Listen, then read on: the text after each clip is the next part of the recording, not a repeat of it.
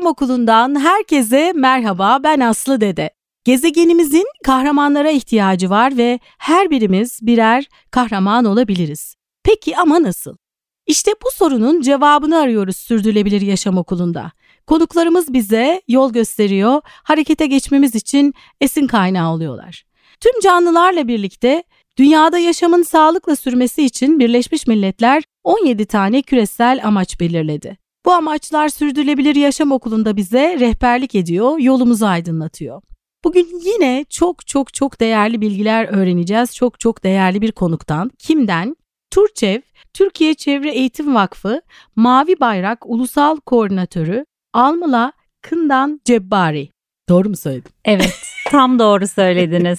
Hoş geldiniz efendim. Teşekkür ederim. Efendim yıllardır mavi bayrak mutlaka duymuşuzdur. Bir ma- mavi bayrak diye bir şey bilen çok kişi özellikle bu bizim podcastlerimizi izleyenler, e, Evet. dinleyenler, e, takip edenler e, mutlaka duymuşlardır. Şimdi biz işin biraz daha detayına ineceğiz bugün sizinle birlikte. Evet. E, mavi bayrağı biliyorlardır ama belki Turçevi bilmiyorlardır. Aradaki Evet. bağlantıyı bilmiyorlardır. E, şimdi onu konuşacağız ama Tamam. benim ilk sorum, ilk sorum bütün konuklarım olduğu gibi yine size de ilk sorum. Sizin için sürdürülebilirlik ne demek? Bunu özellikle soruyorum çünkü sürdürülebilirlik sözcüğü son dönemde çok sık kullanılır oldu. Kesinlikle. Ee, ben de gelen e, konuklarımın bu alanda emek veren konuklarımın hem kişisel olarak bu konuya yaklaşımları hem de çalıştıkları kurumla bağlantılı olarak yaklaşımları açısından şöyle bir sürdürülebilirlik tarifi istiyorum onlardan. Sizden de bir tarif rica ediyorum. Size göre sürdürülebilirlik ne demek? Çok teşekkür ederim öncelikle. Ee, tabii temel kavramla başlamak çok önemli bence. Çünkü bir kere kavramları e, doğru anlamazsak, doğru kavramazsak zaten arkası çok yanlış geliyor. Şimdi ben sürdürülebilirliği aslında çok net bir tanımı var. O tanımdan şaşmamak gerektiğini düşünüyorum. O da gelecek kuşakların ihtiyaçlarını göz önünde bulundurarak e, kaynakların tekrar döngüyü besleyebilecek şekilde verimli bir şekilde kullanılabilmesi aslında. Şimdi biz ama günümüzde ne yapıyoruz? Herkes kendine göre bir sürdürülebilirlik tanımlıyor. İşte kurumsal sürdürülebilirlik programı deniyor, finansal sürdürülebilirlik deniyor, sürdürülebilir işte bir şey önüne bir kelime getiriliyor ve sürdürülebilirliğe yeni bir böyle çarpıtılmış e, başka bir anlam katılıyor. Tabii bu kişilerin bireysel ihtiyaçları veya kurumların kendi karlılık odakları e, çerçevesinde gelişiyor ve bu da sürdürülebilirliğin ana tanımından çıkılmasına sebep oluyor. O yüzden e, ben hep böyle dersleri de hatırlarım. Bütün derslerin başında nasıl başlar? Önce tanımla başlar değil mi? Önce Evet. o tanımı doğru yapmamız gerekir. O yüzden bence ben de ilk onu soruyorum. evet, biz bu sürdürülebilirlik tanımından şaşmamamız gerekiyor. Öz anlamlarının dışına çıkmamamız, çarpıtmamamız gerekiyor. Bu aynı şekilde e, refah kelimesini ben burada telaffuz etmek isterim. Çünkü e, kurumların kendi e, kurumun sürdürülebilirliği gibi bir şey tanımlanıyor. O da genelde karlılık odaklı.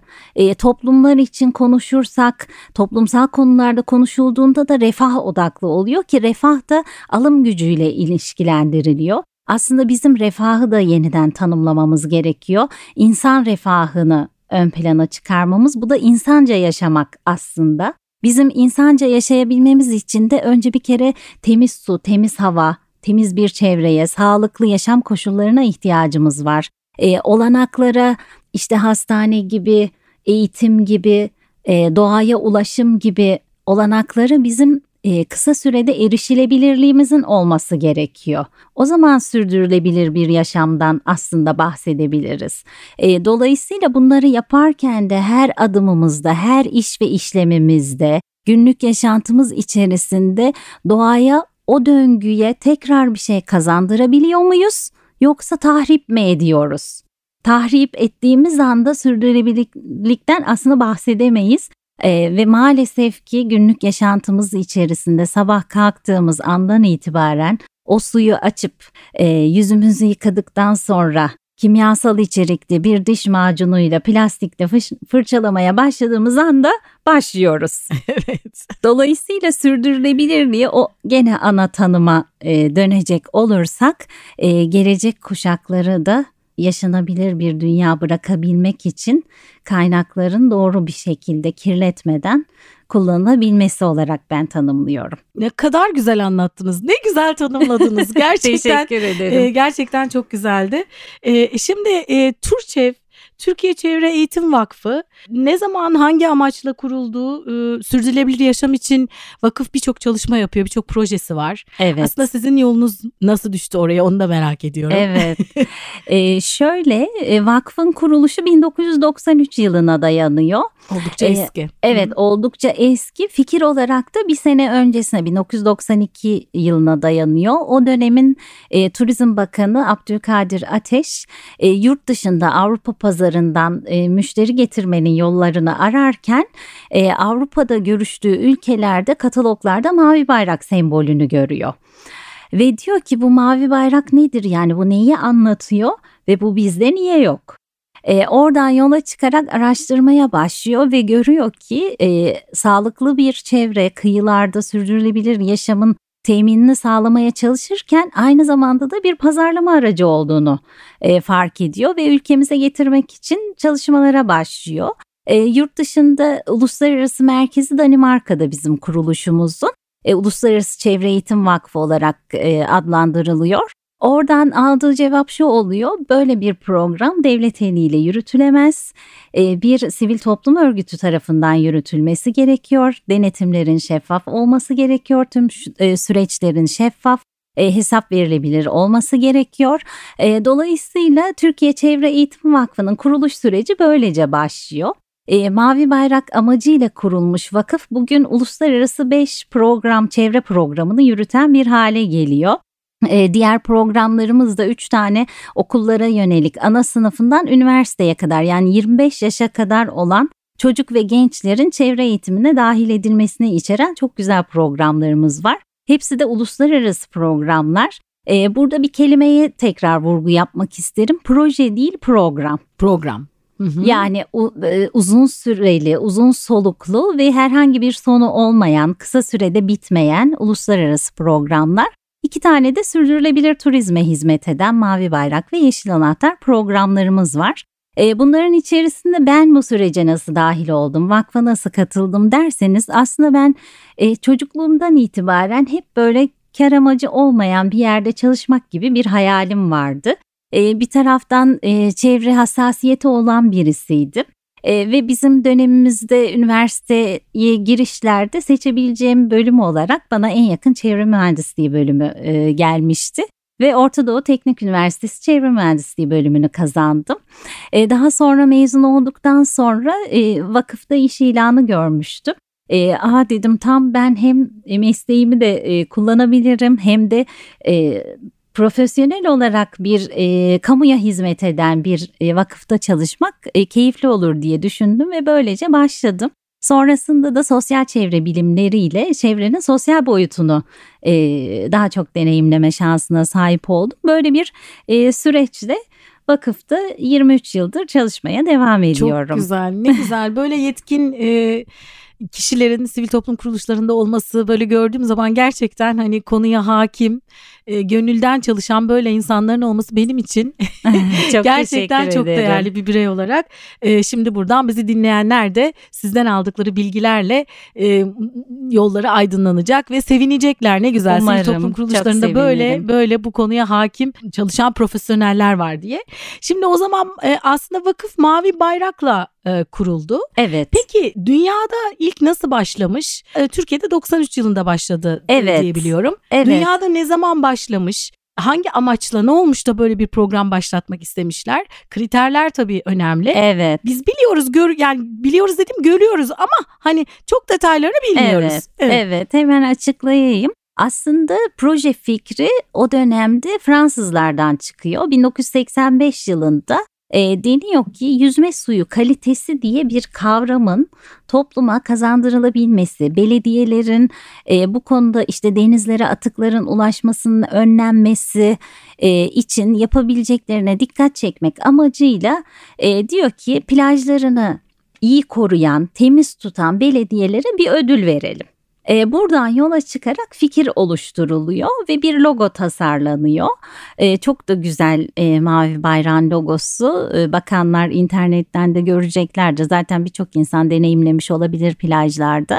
E, bunun sonrasında iki sene sonra Avrupa Birliği'nin çevre yılı ilan edilmesiyle 1987 yılında Avrupa Birliği bu fikri çok parlak buluyor ve o dönemde de e, Avrupa Birliği'nin yüzme suyu kalitesi direktifi var, yönetmeliği var. Bunu da halka ve belediyelere anlatmak ihtiyacı var. E, bu fikirle Fransızların fikrini birleştirerek ve deniyor ki biz bunu Avrupa Birliği ülkelerinde uygulayacaksak eğer e, bunu bir sivil toplum örgütüne de teslim edelim kriterleri birlikte belirleyelim ve de finansal olarak destekleyelim. Bu proje hayata geçsin. O zaman bir proje olarak başlıyor. Daha sonra programa dönüşüyor. Çünkü bakılıyor ki hakikaten bu halk nezdinde, belediyeler nezdinde ciddi bir e, karşılık bulan bir e, şeye dönüşüyor. Sistem gerçekten o dönemde çok güzel kurgulanıyor.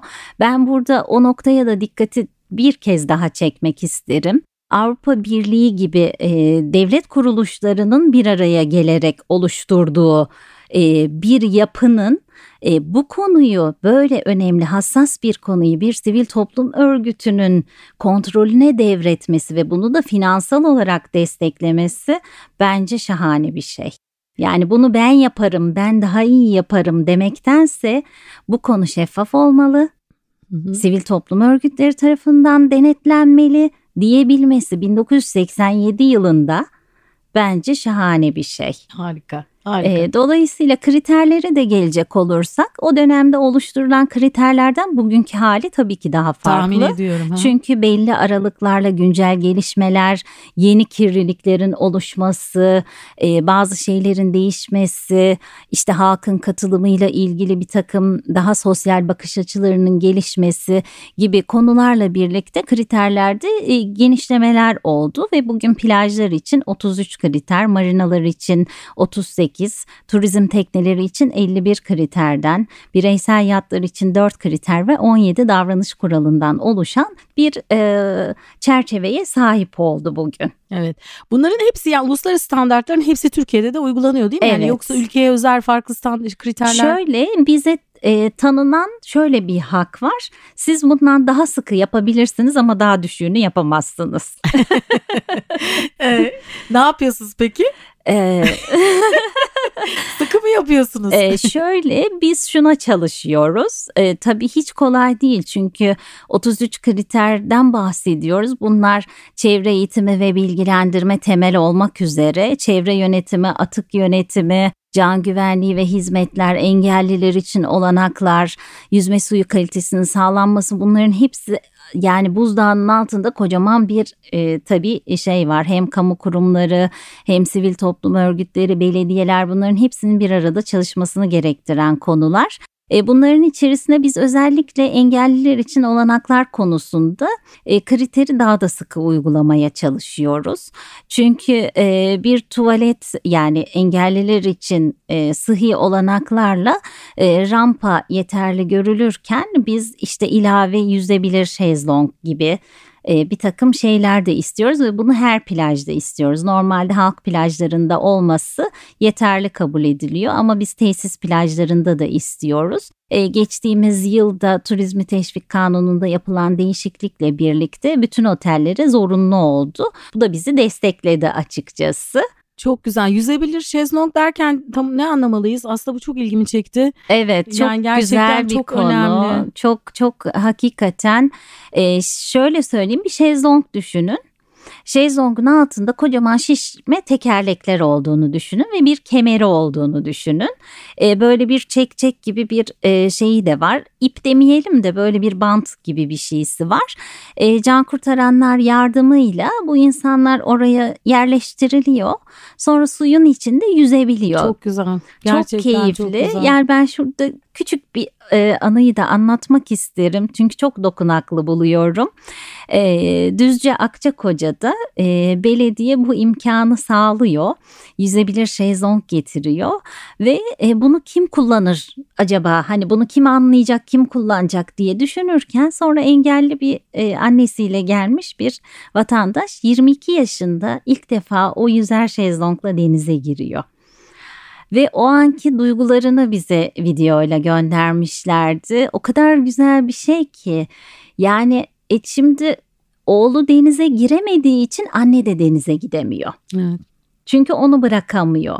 Şimdi engellilerle ilgili konu aslında tek bir kişiyi ilgilendirmiyor. Ailesiyle birlikte, yakınlarıyla birlikte herkes e, en, hareketleri engelleniyor. Evet. Dolayısıyla engelliler için olanaklar dediğimizde dezavantajlı gruplara sunulan olanaklar da bizim sürdürülebilir yaşamamızı tabii. çok doğrudan etkiliyor. Tabii, Kimsenin tabii. geride kalmaması bunlar e, çok önemli gerçekten. Ya bütüncül ve kapsayıcı kapsayıcı bir yaklaşımla evet. yaklaşmamız gerekiyor. Evet. Hatta bir örnek tabii siz beni durdurmadığınız yok, sürece yok, ben konuşmaya devam ederim. o kadar güzel anlatıyorsunuz ki durdurmam biraz zor olacak. Ha, çok teşekkür ederim. Şimdi mesela Bodrum'da bir plajımız var. O da belediyenin bir plajı. Görme engelliler için yüzme olanağı sağlıyor. Ee, onların böyle sensörlü bantlarla denize ulaşabilmesi ve hani denizde şamandıralar olur ya yüzme sınırlarını belirtmek için orada e, sesli sensörler var. Çok güzel. Yön duygusunu çünkü öbür türlüsünde bir e, görme engelli birinin denizde yüzdüğünü düşünsenize yönünü bulmakta şaşırıyor. Evet. Mavi bayraklı plaj olmaya ya da marine olmaya e, karar veriyor bir yer. Ondan sonra size evet. mi başvuruyor? O süreç nasıl e, akıyor? Nasıl gidiyor? Şöyle tabii Türkiye'de bugün 30. yılına girdi artık Mavi Bayrak. E, şu anda genelde onlardan geliyor.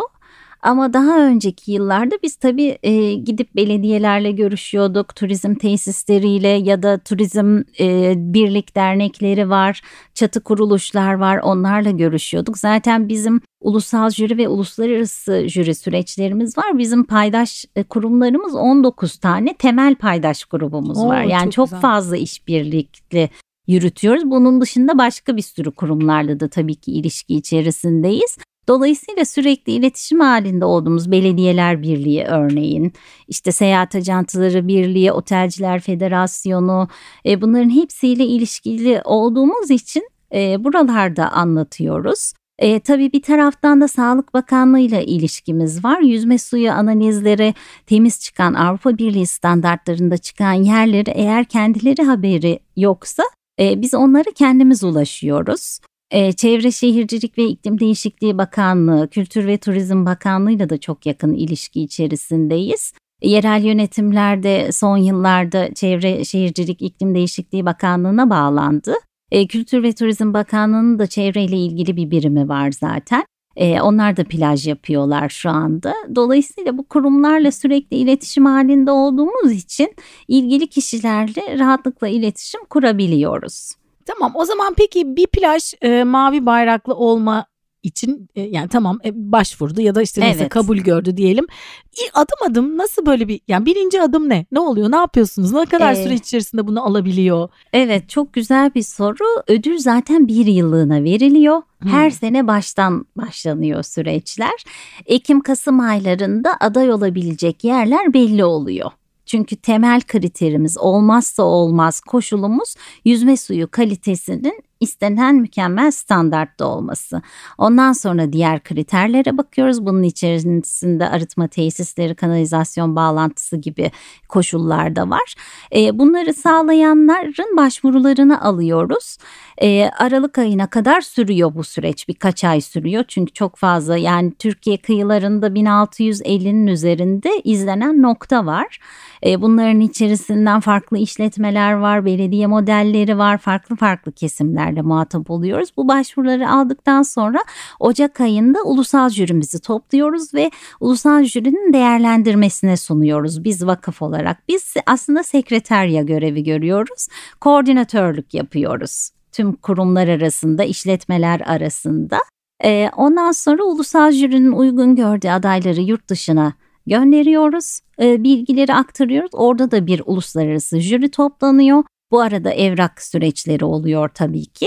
E, ondan sonra Mayıs ayında sonuçlar açıklandıktan sonra e, biz hemen denetimlere başlıyoruz ve yaz boyunca yani yüzme sezonu mesela Karadeniz'de daha kısayken Akdeniz'de daha uzun sürüyor. E, yaz boyunca denetim yapıyoruz. İşte şikayetler varsa onları cevaplandırıyoruz. Bazı yerlere işte birden fazla gidiyoruz ama temelde bütün ödül alan yerlerin en az bir kez denetlenmesi gerekiyor. Bunları sağlıyoruz. Sonra tekrar e, Ekim ayında tekrar yeni yılın süreçleri başlıyor. Peki şimdi o mavi bayrağı aldı orada bir şekilde göz şey yaptı duyurusunu gidiyoruz biz bakıyoruz burası mavi bayraklı plajmış diye. Ama aslında bunu iki yıl önce almış mesela. Nasıl Aa, oluyor o durum? Evet şöyle. Biz öyle tüketici olmamalı. olarak bilmiyoruz bunu. Evet. Yani kullanma hakkı bir yıllık. tabii Ama ki. siz orayı denetliyorsunuz. Eğer bir sonraki sene e, aslında denetimden geçmemişse ya da başvurmamışsa onu o, o mavi bayrağı kullanma hakkı yok mu? Yok. Heh, bu Bunu önemli. tespit ettiğimiz zaman zaten yani buna müdahale ediyoruz tabii doğal olarak. Peki biz tüketici olarak neye dikkat edelim bu konuda? Şöyle web sayfasına bakacak tüketici, Tamam. listeye bakacak. Bulunduğu yerde bayrak var ama listede yoksa bize haber verecek. O zaman mavi bayrak nokta mavibayrak.org.tr tr org.tr adresine girdiğinde bütün Türkiye'deki mavi Evet, bayraklı harita e, üzerinden ilerleyebilir. Hepsini görebilir. Onlar güncel bilgiler yıllık Evet, olarak evet. güncelleniyor. Orada da Hatta- bir yer kullanmışsa aslında geçmiş yıllara aitse biz de bunu tespit edersek size de bunu haberdar mi? Kesinlikle çok memnun oluruz. Yani bu tabii çok az karşılaştığımız bir şey oluyor. Çünkü bizim bayraklarımız ödül olan bayraklarımız da yurt dışından geliyor. Bütün dünyada aynı. Ee, üzerinde tarih yazıyor. O tarihten de anlaşılabiliyor. Ya çok tek tük de olsa zaman zaman bir şekilde bir yerden hani logoyu indireyim de bir bayrak basayım kendime göre asayım diyen birkaç yer olabiliyor ama onları da e, yani sağ olsun mutlaka birileri haber veriyor bize. E, bayrak sahibi olmayan tesislerde bazen olabiliyor. E, onlara müdahale ediyoruz. Çok şükür önemli boyutta bir şeyle bugüne kadar karşılaşmadık. 30 yıllık bir süreçte Evet. e, gayet iyi aslında bu durum. Evet. Peki e, şimdi söz ettiğiniz o engelli hizmeti vesaire gibi yine web sitesinden biz arama yaptığımızda o plajların e, özelliklerini görebiliyor muyuz? Mesela işte Tabii, o tabii. belirttiğiniz plajda bu engel ş- yüzen Evet. şezlong olduğunu falan bütün bilgileri Evet, görüyoruz değil mi? aynen öyle görebiliyorsunuz. Hangi olanaklar var hatta kum mu çakıl mı e, gibi başka ödülleri var mı mesela biz mesela bizim üstümüze belki vazife değil ama biz onu vazife edindik. Başka ödülü varsa insanlar bunu da bilsinler diye e, başka aldığı ödülleri de orada e, şey yapıyoruz, e, beyan ediyoruz. Böylece yani oldukça kapsamlı bir web sayfamız var. Çok detaylı bilgiler var. Takılan yerler olursa aklına takılan bilgi almak isteyenlere de mutlaka cevap veriyoruz zaten. Bize de yazabilirler, ulaşabilirler. Çok çok kolay ulaşılabilir bir noktadayız biz. Çok güzel. Web sitesinden e, iletişim kurduklarında sizinle Kesinlikle. bağlantı kurabiliyorlar. Kesinlikle. Peki şimdi kayıda girmeden önce biz e, ilk geldiniz siz radyoya. Evet. Cem Arslan'la karşılaştınız. evet. Ve biz böyle bir sohbet ettik. O da Evet. özellikle bunu sormamı istedi. Ben de şimdi bunu soracağım size. Size Tamam. sordu zaten. Ee, mavi bayrak deyince hep deniz kıyıları aklımıza geliyor. Oysa ki Evet. o kendisi Van'da, Van kıyısında mavi bayraklı çok güzel bir e, tesis görmüş sanırım. Doğru. O yüzden e, sadece deniz kıyısı mı algılamalıyız mavi bayrak deyince? Bunu size sormam. Bu, bu ısmarlama soru. Çok da güzel bir soru bence. Çünkü genelde hakikaten e, deniz kıyısında diye düşünülüyor. Ama tabii ki yüzme amaçlı kullanılan göllerde de mavi bayrak olabiliyor. E, hatta şöyle söyleyeyim. E, bazı nehirlerin üzerinde de yüzme alanları Sağlık Bakanlığı tarafından tespit edilmiş durumda. E, dilerim ileriki yıllarda örneğin Tunceli'de yüzme alanları var çayların üzerinde güvenli alanlar oluşturulmuş. Yüzme suyu kalitesi standartlarını sağladığı, üzerinde işte can kurtaranın ilk yardımı, güvenli yüzme alanının oluşturulması, e, atık yönetimiyle ilgili gereklilikler, engelliler için olanaklar bütün bunların hepsini sağladığı sürece resmi olarak yüzme alanı olarak tanımlanmış her yer başvuru yapabiliyor ve bayrakta alabiliyor. Zaten sadece Van değil geçen sene İznik Gölü'nde de bir mavi bayrağımız oldu. Şu anda e, iki tane e, gölümüzde mavi bayrak var. Harika. Peki 30 yıllık bir vakıf 30 yıldır Türkiye'de hizmet veriyor. Siz de 23 yıldır oradasınız. Evet. Şimdi biz aslında sizin için, gözleminiz de çok değerli bizim için.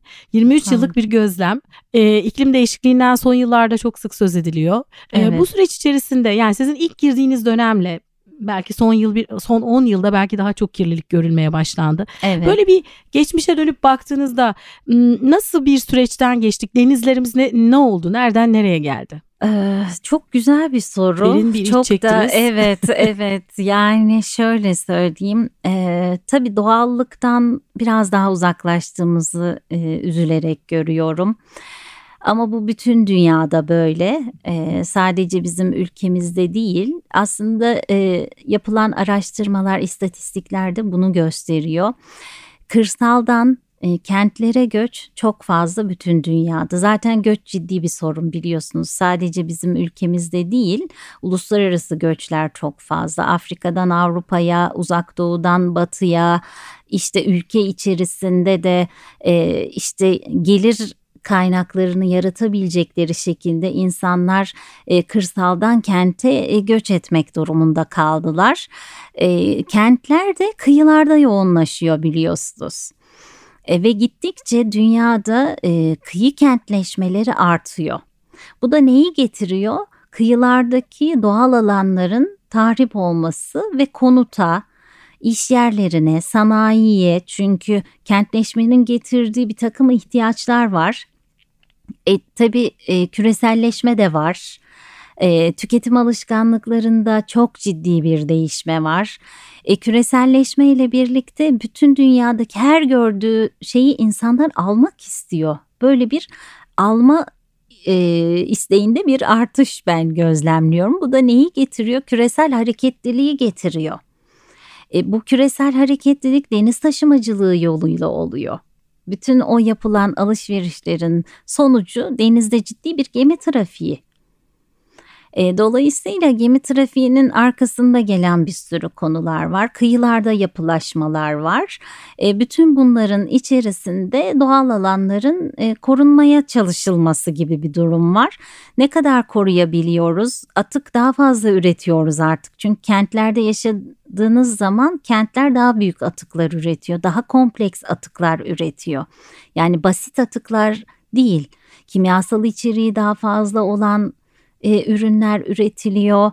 E, sanayinin gelişmesiyle birlikte malzemenin malzeme biliminin gelişmesiyle birlikte çok çeşitli kompleks kimyasallar hayatımıza girdi. Bunları tüketici belki günlük yaşantısında fark etmiyor ama biz e, atık yönetime, çevre çalışan kişiler bunların e, farkındayız. Dolayısıyla o gördüğüm tablo tabii çok hoşuma gitmiyor ama bir taraftan da diyorum ki yani biz iyi bir şeyler olsun diye çalışıyoruz e, ve insanlara da bunları anlatmaya çalışıyoruz. E, iyi olanın tarafında olan insanlar çoğalsın dilerim ki böylece daha fazla farkındalık yaratabilelim. Çok güzel. Peki dünyada kaç ülkede mavi bayrak veriliyor? E, şu anda 54 ülke sisteme dahil. Bunların e, 50'sinde fiili olarak mavi bayrak dalgalandırabilecek durumda. Birkaç tanesi pilot e, uygulama içerisinde yeni başladılar. Ama 54 ülke sisteme dahil şu anda. E, bunların hepsi Avrupa tabii 54 Hayır ağırlıklı zaten Avrupa. evet evet e, 30 civarında Avrupa ülkesi var. Hı. Ağırlıklı yine Avrupa'da Avrupa. çünkü çıkış noktası orası çok uzun yıllardır. Ama size şöyle söyleyeyim Yeni Zelanda'dan Şili'ye, Kolombiya'dan Güney Afrika Cumhuriyeti'ne, İzlanda'ya, Kanada'ya kadar e, oldukça geniş bir dünya çapında e, uygulanması söz konusu. O zaman biz tüketici olarak mavi bayrağı gördüğümüzde gönlümüz rahatça rahat bir şekilde.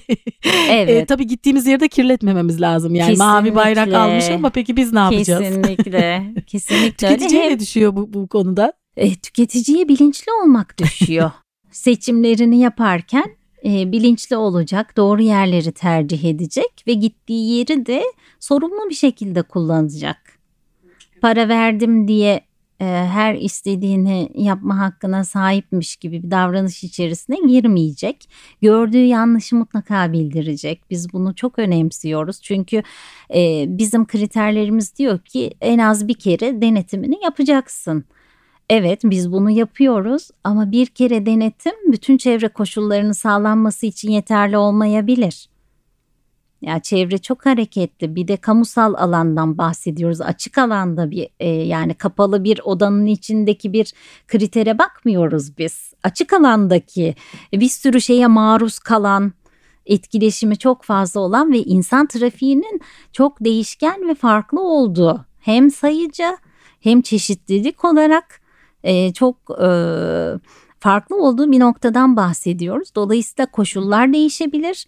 Bunu da kullanıcıların bize bildirmesini çok önemsiyoruz. Nasıl bildirecekler? İnternet sitesinden size evet, ulaşıp. Evet, e... telefonlarımız, e-maillerimiz biz hepsine zaten e, cevap veriyoruz. Şimdi e, ben bir de web sitenize baktığımda çok güzel bilgiler var bu arada tavsiye ediyorum. Gerçekten dolu dolu bir web sitesi. Yani Tuğçe'nin kendi web sitesi var ama Mavi Bayrak e, evet. web sitesi de oldukça kapsamlı. E, sürdürülebilir kalkınma amaçlarıyla bağlantılı da çok güzel çalışmalar anlatılmış orada. O kadar güzel yani zaten sürede bir kalkınma amaçlarının hani bir tanesine yönelik çalışmıyorsunuz. Hepsi böyle bir bir, bir şekilde birbirini etkiliyor, evet, birbirine dokunuyor evet. ve siz de orada çok güzel bunu özetlemişsiniz. Dinleyenler de bunu duysunlar istiyorum. Tabii e, tabii hani detaylı bilgiler için tabii mutlaka sayfaya girip o dokümanı indirmelerini tavsiye ederim. Şimdi 17 tane sürdürülebilir kalkınma amacı var. Ee, biz tabii çalışma alanımız doğrudan sudaki yaşam ve karasal yaşamı etkiliyor. Dolayısıyla ana iştigal alanımız bu şekilde görünüyor. Ama tabii ki nitelikli eğitim çok önemli. Hem mavi bayrak açısından baktığınızda e, kriterlerin önemli bir kısmı eğitimle ilgili. Bir de bizim ayrıca çevre eğitimine yönelik e, programlarımız var. Doğrudan nitelikli eğitim odağında çalışan. Mavi Bayrak için baktığınızda da Yeşil Anahtarı da belki buna katabiliriz. Özellikle yoksullukla ve açlıkla mücadelede biz katkı sağladığını düşünüyoruz. Bir kere e, plaj işletmelerinde belirli niteliklerde ilave istihdama e, istihdam yaratılmasını sağlıyor. Bir kere can kurtaran bulundurma zorunluluğu var. Bu istihdama ciddi bir katkı. Şöyle ifade edeyim ben size. E, yaklaşık 750 civarında işletmemiz var bizim. 531 plaj üzerinde. Bir kere e, her bir plajda iki tane can kurtaran olması gerekiyor. Yani mavi bayrak sayesinde düşünün en az 1500 kişi istihdama katılmış oluyor. Çok güzel. Bunun yanında temizlik tabii sıradan bir plajdan daha fazla bir temizlik beklediğimiz için dolayısıyla temizlik personeli istihdamı, çevreyle ilgili personel istihdamı, çevre eğitimiyle ilgili faaliyetlerin yapılması dolayısıyla biyologlar devreye giriyor. E, eğitim kademesindeki insanlar devreye giriyor. Dolayısıyla e, böyle bir ciddi bir e, katkısı oluyor E, nitelikli eğitim zaten kriterlerde var dedim. Eşitsizliklerin azaltılmasıyla ilgili engelliler için olanaklardan bahsettim. Ki bu konuda biz çok teşekkür alıyoruz özellikle engellilerle ilgili e, vakıf ve derneklerden. Çünkü e, genelde kriterler engellilerle ilgili kamusal alanlar için tasarlanmış. Yönetmeliklerde de böyle açık alanlar için bir tanım bir kriter yok. İşte o e, özellikle yüzme alanlarındaki e, ihtiyacı mavi bayrak tamamlıyor. E, bu yüzden de öyle önemli bir katkı sağladığımızı söyleyebilirim. Tabii yenilenebilir enerji, iklim eylemi zaten bizim e, özellikle yeşil anahtardan burada bahsetmek isterim hem enerji konusunda su konusunda da özellikle çok net kriterleri var. Çünkü musluklardan akan suların akış hızının bile tanımlandığı ve bunun zorunlu bir kriter olduğu bir sistemden bahsediyoruz. Binalar içerisinde e, enerjinin e, tasarrufuyla ilgili kriterler var. İşte led lambaların olmasından tutun enerji e, kaynağının kullanılan enerji kaynağının yenilenebilir enerjiden tedarik tedarik edilmesiyle ilgili kriterlere kadar e, çok önemli e, beklentileri var. Bir taraftan barış, adalet ve güçlü kurumlar e, başlığına da atıfta bulunmak isterim. E, bu çok fazla konuşulmadığını düşündüğüm bir konu aslında. E, kriterler içerisinde çocuk işçi çalıştırılmaması, cinsiyet ayrımcılığının yapılmaması gibi e, kriterler var. Bu da bu başlığa hitap ediyor. İşbirliği ve ortaklıklar bence çok kritik alanlardan bir tanesi. E, yapılan tüm çalışmalarda yerel e, STK'larla çalışılması, kurumlarla işbirliği halinde olunması da hatta halkın katılımı da e, kriterler arasında yer alıyor. Yani ben böyle belli başlıkları seçtim. Bunların dışındaki tüm detayları da web sayfamızdaki dokümanlardan inceleyebilirler. Evet, gerçekten dediğim gibi kapsamlı. Hatta ben şimdi şu, şu an önümde açık e, bir tane daha var e, belki ekleyebileceğimiz. Kıyılarda altyapıların güçlendirilmesi ki zaten evet. bu konunuz. O da e, amaç 9 sanayi, yenilikçilik ve altyapı evet. e, konusuna değiniyor. Kesinlikle. Aslında gerçekten sürdürülebilir kalkınma amaçlarında pek çok konuya değiniyorsunuz. Siz bir mavi bayrakla. Evet. çok fazla yere dokunuyorsunuz. Yeşil anahtarda ta, e, tahmin edebileceğimiz gibi oteller, konaklama tesisleri için değil mi? Doğru mudur? Evet, restoranlar da var. Ha, Hatta restoran. eğlence merkezleri, konferans merkezleri, kamp alanları çok fazla başlık var. Ama ülkemizde otel işletmeleri çok daha fazla ve e, uluslararası pazara açılmış olan işletmeler daha çok ilgi duyduğu için o kısım bizde daha ağırlıklı ödüllendirilmiş e, durumda. E, öyle bir başlıkları var. Her birinin ayrı e, kriter seti var ama genel olarak işte 151 civarında kriteri var yeşil anahtarın çok çok detaylı. Organik işte restoranda mesela restoran kısmında servis edilen yiyeceklerin organik ve yerel olmasından tutun da işte enerji su tasarrufunun ciddi kayıt altına alınması, bunların belgelendirilmesi, enerji verimliliği için klimaların filtre bakım kayıt tutanaklarına, mutfaklara kadar çok detaylı sorgulamaları oluyor. Denetimler çok uzun sürüyor zaten Yeşil Anahtar'da e, bütün her şeyin doğru bir şekilde kayıt altına alınması ve sürekli gelişim ilkesiyle her sene ilerleme kaydedilmesi bekleniyor. Yeşil anahtar da gerçi uzun bir konu ayrı bir konu evet. belki ama o da yıllık mı? O, Onda, mavi bayrak gibi. Evet iki yani iki yıllığına e, veriliyor. Ee, onun da ödül süreçleri öyle. Çok detaylı tabii bu programa sığamayacaktır o da. Biz mavi bayrağı daha çok duyuyoruz ama yeşil anahtarı o kadar e, duymuyoruz. Yeşil anahtar nispeten daha yeni. Ee, bir de tabii mavi bayrağın şöyle bir olayı var. Halkla çok iç içe. Yani Doğru. açık alanlarda evet evet yani halkın doğrudan e, temas et ettiği, çok aktif kullandığı hani oteller dediğinizde belirli bir kesimin e, belki iş dünyası daha fazla kullanıyor. İşte tatile gidebilenlerin kullandığı ama halkın geniş bir kesimine yayılan e, mavi bayrak tabii ki. Evet ne güzel ee, siz de 23 yıldır bunun için çalışıyorsunuz. Evet. Dile kolay, dile kolay ama gerçekten çok büyük emek. E, süremizin sonuna geldik. Ben e, hep sonda da gelen konuklarıma şunu soruyorum. Sürdürülebilirlik üzerine bu kadar konuşuyorsunuz. Peki siz kendi özel hayatınızda sürdürülebilirlik için neler yapıyorsunuz? Yaşam alışkanlıklarınızda değiştirdiğiniz şeyler var mı diye soruyorum evet. ve bunu da şununla bağlıyorum. Sürdürülebilir yaşam kültürü oluşturmak için ne yapmalıyız diye de fikrine, önerilerini alıyorum konuklarımın. Evet çok güzel bir soru. Gerçekten konuşmak değil artık eyleme geçmek zamanı. E, çünkü çok fazla kaynak var. Herkes konuşuyor, anlatıyor, e, kitaplar yazılıyor, e, sürekli bir yayınlar var ama hayatımıza entegre etmek önemli. Ben de bunu çok önemsiyorum. Tekrar en baştaki tanıma dönerek e, yaşam felsefemi şöyle açıklayabilirim. E, adım attığım her anda bu yaptığım doğaya zarar mı veriyor yoksa zehirliyor mu? Bunu düşünmeye başladığınız anda bütün pratikleriniz değişmeye başlıyor. Benim de yaptığım işte e, İstanbul'a gelirken trenle geldim mesela. Kaldığım otel çevreci bir oteldi. Evet. Ee, işte birkaç televizyon programı çekimim vardı. Buraya gelecektim. Ee, kıyafetlerimi mesela bir ceketimi dedim ki yeni bir şey almayayım. Arkadaşımdan ödünç aldım. Çok Takas güzel. yaptım. ee, yeni bir şey satın almadım gibi. Ondan sonra işte günlük zaten evde atık ayrıştırma yapıyorum. Ambalaj atıklarını mutlaka ayırıyorum. E, satın alma davranışım çok değişti bu süreçte. Olabildiğince daha az alışveriş yapmaya çalışıyorum. İnternetten almamaya çalışıyorum. Çünkü bir kargo süreci giriyor. Aldığınız şeyin çevreye verdiği zararı çok katlamış oluyorsunuz. E, ithal bir ürün kullanmamaya çalışıyorum. Yerli ve yerel ürün kullanmaya çalışıyorum. E, yani buna azami önemi e, gösteriyorum. İşte mevsimin mevsimsel olmayan bir şeyi yememek de buna dahil. Evde bokashi kompostu yapıyorum. Ya ne güzel. Ki ülkemizde biliyorsunuz atıkların neredeyse yarısı organik atıklar. Evet. E şimdi ben e, şunu gözlemledim. Dört kişilik bir aileyiz biz. E, iki tane e, çocuğum var.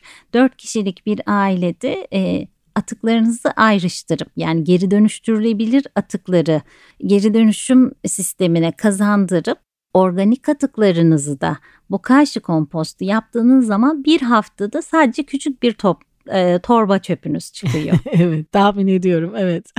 Dolayısıyla ha bu bununla dünyayı kurtardım mı belki kurtaramadım.